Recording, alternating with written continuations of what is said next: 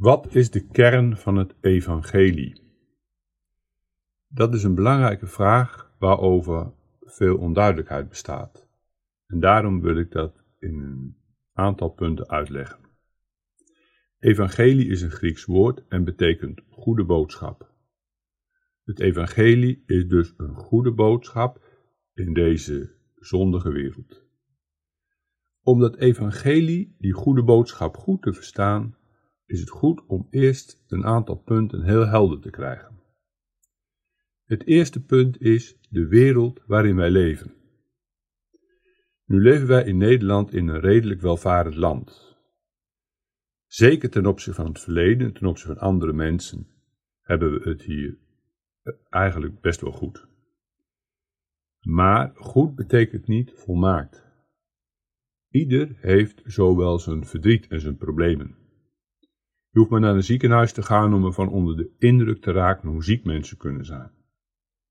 Ga naar een begraafplaats en je ontmoet mensen die rouw hebben. Denk na over de ellende in deze wereld en er komen al snel vragen bij je op. Waar vind je geen gebroken gezinnen? Waar vind je geen gebroken huwelijken? Waar kom je niet narigheid en ellende tegen? We leven in een wereld met heel veel beperkingen, met heel veel verdriet. Waar komt dat verdriet vandaan en wat is een oplossing? Nu kunnen we natuurlijk zeggen dat het verdriet nou eenmaal hoort bij de menselijke natuur.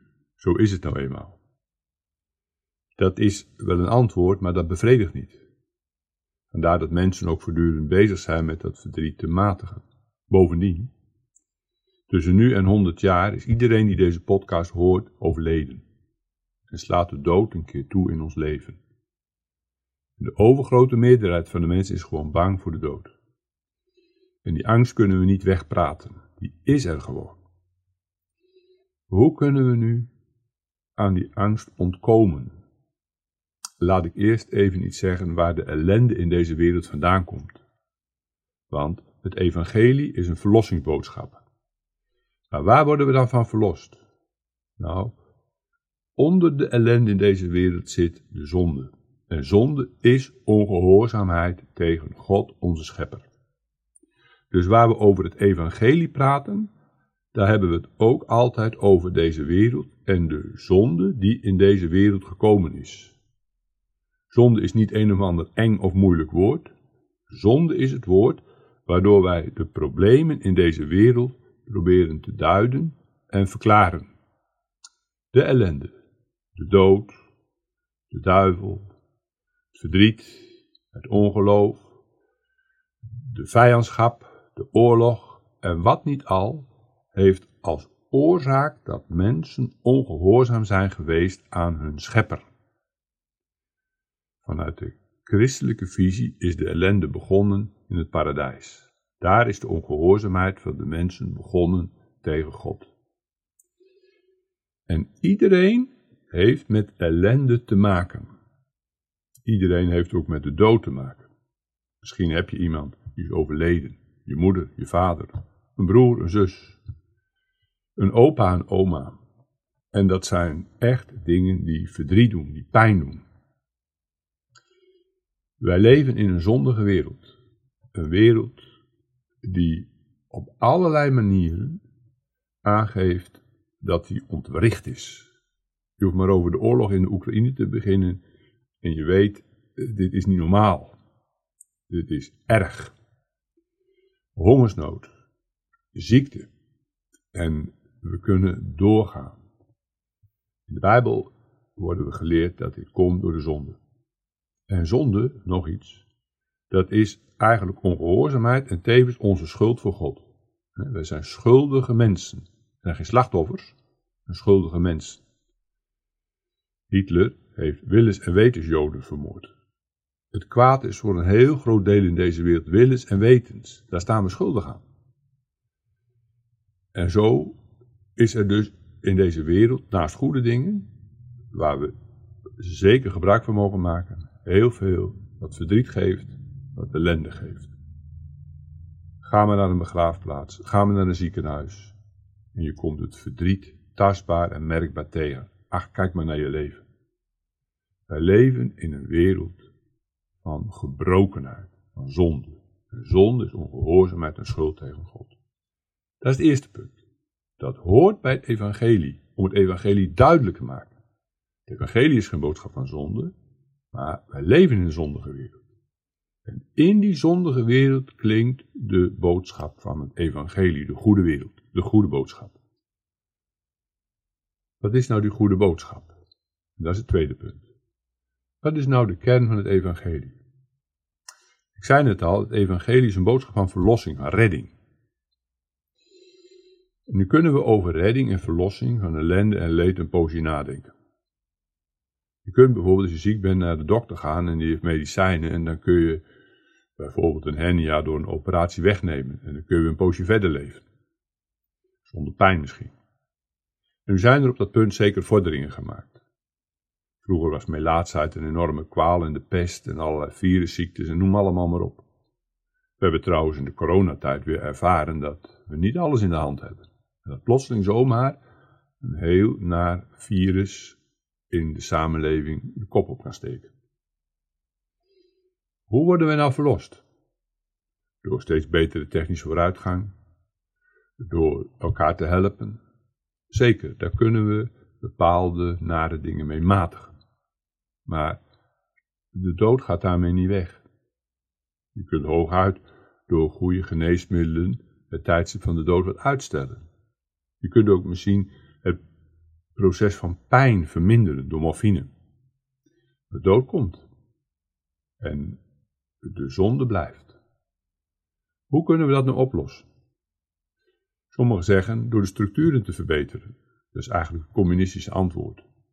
Verbeter de structuren, of het antwoord van de verlichting, doe de scholen open en dan gaat het vanzelf goed in de samenleving. Er zit natuurlijk altijd wel iets in. Scholen kunnen bijdragen aan een beter samenleven. Onderwijs is belangrijk, maar ook weer niet genoeg. Er zijn genoeg intelligente mensen die de meest verschrikkelijke dingen hebben gedaan en doen. We kunnen natuurlijk eh, zeggen, we moeten dat samen proberen op te lossen. En er zijn natuurlijk moeilijke dingen die je samen op kunt lossen. Klimaatprobleem bijvoorbeeld, door wat minder uitbundig te leven. En door wat zuiniger te leven rond energiegebruik. Maar kunnen we nu de fundamentele vragen oplossen? Kunnen andere mensen dat? Uiteindelijk kan dat niet. Kunnen we onze problemen zelf oplossen? Nou, we kunnen proberen niks te leven en we kunnen proberen uh, met gezondheid enzovoort voorzichtig aan te doen, dus elke dag beweging en dat soort dingen meer. Maar dat neemt het fundamentele probleem van het kwaad en van de zonde en van de ontwrichting niet weg. Wat is nu de christelijke boodschap? Wat is het evangelie? Het evangelie is dat God één middel heeft gegeven. Het ene middel is niet een ding, maar een persoon. God stuurde zijn zoon naar deze wereld. Het evangelie, de goede boodschap is dat God zijn eigen zoon naar de aarde zond, dat zijn zoon mens is geworden en dat hij de enige ware verlosser is in deze wereld. Dat de Jezus, dat is de zoon van God, de verlosser is van zondige mensen. Dat staat overduidelijk in de Bijbel. Dat lezen we bijvoorbeeld in Johannes 3, vers 16. Al zo lief heeft God de wereld gehad dat hij zijn enige geboren zoon gegeven heeft, opdat een iegelijk die in hem gelooft niet verderven, maar het eeuwige leven hebben. Vandaar dat er in de Bijbel heel veel staat over de Heer Jezus Christus. Hij is de enige verlosser. Hij is de enige die mensen kan verlossen van de angst van de dood. Die de dood zelfs heeft overwonnen. Toen hij zelf stierf aan het kruis en daarna weer opstond die de schuld van mensen heeft gedragen, als het lam Gods dat de zonde der wereld wegneemt. En God heeft zijn zoon in deze wereld gezonden, opdat de hele wereld zal horen dat er in hem verlossing, redding en behoudenis is.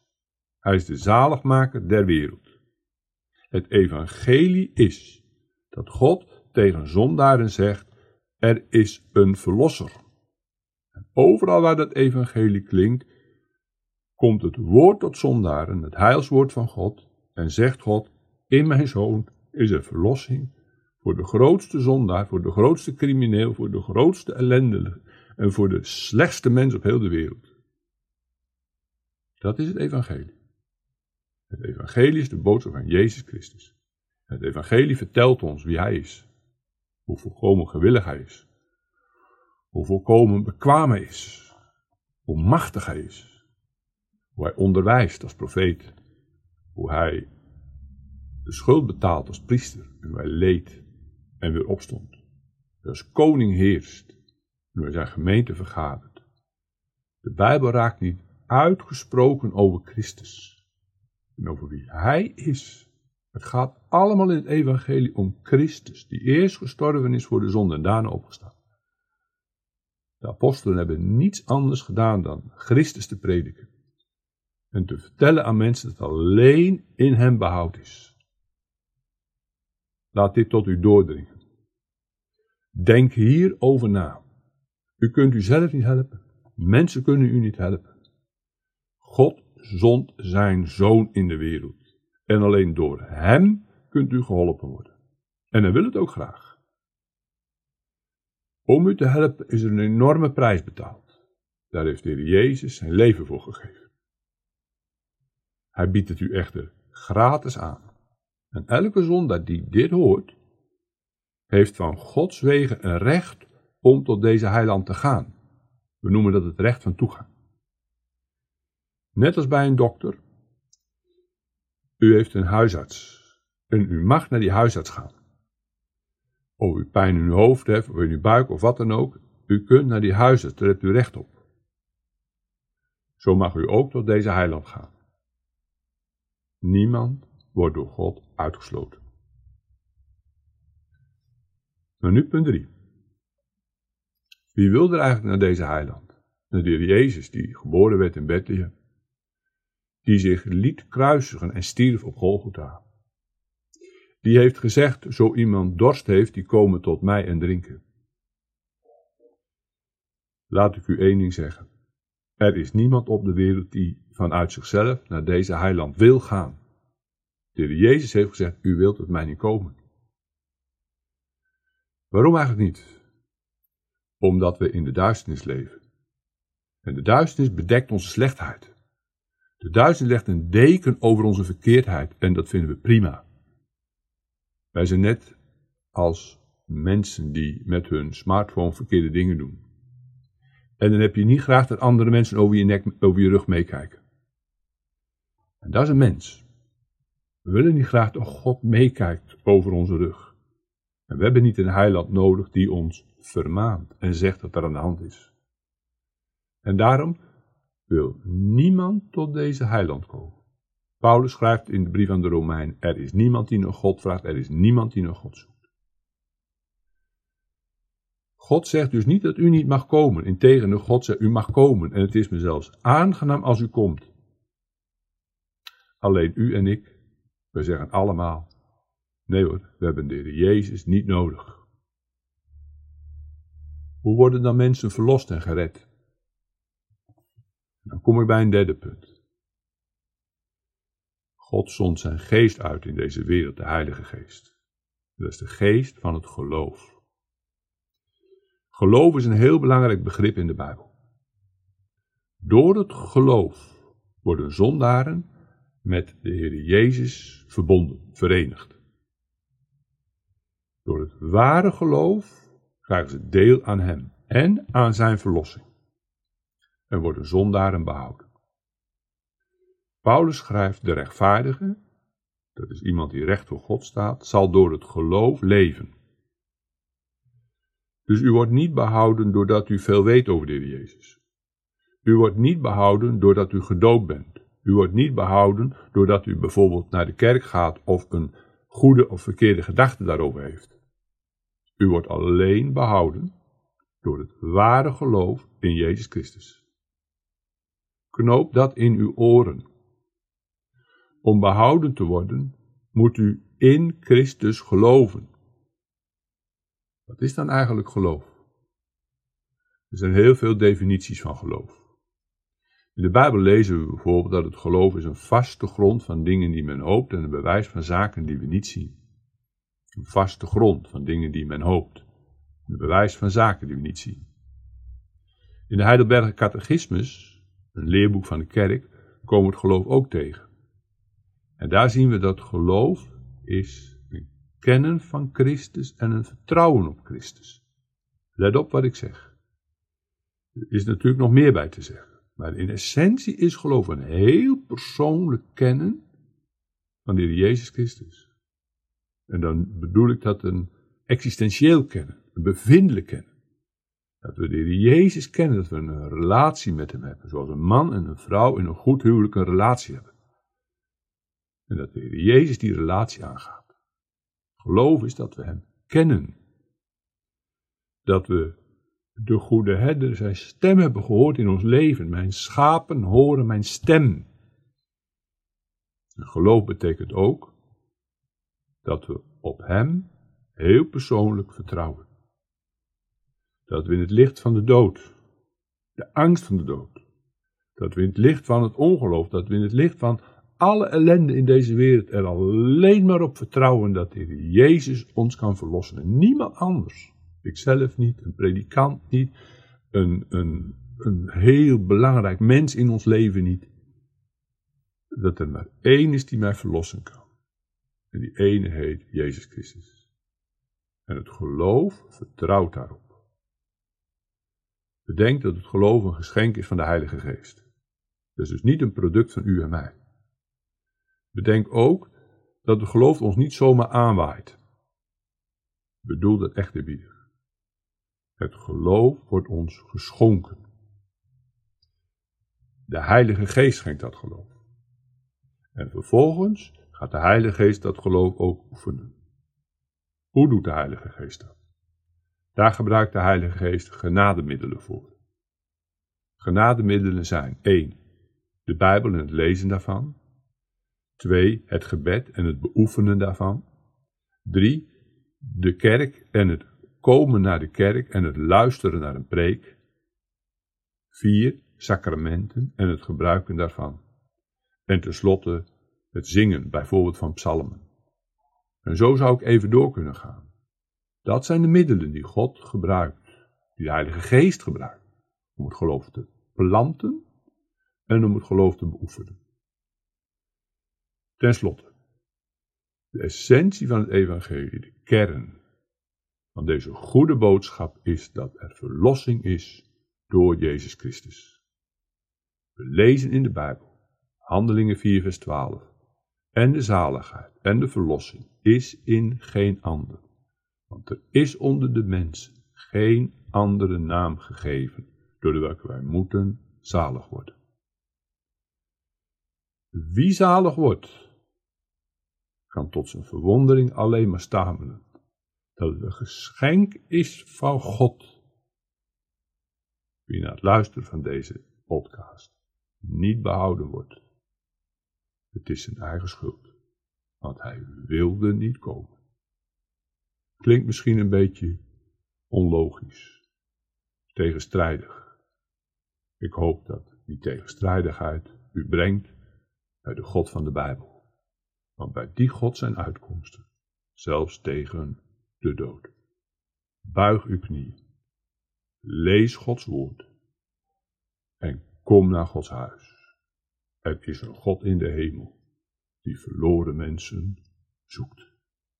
Dank u wel.